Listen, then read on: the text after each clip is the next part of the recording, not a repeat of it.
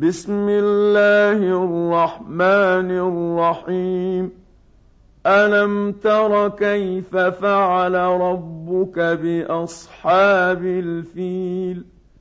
ألم يجعل كيدهم في تضليل؟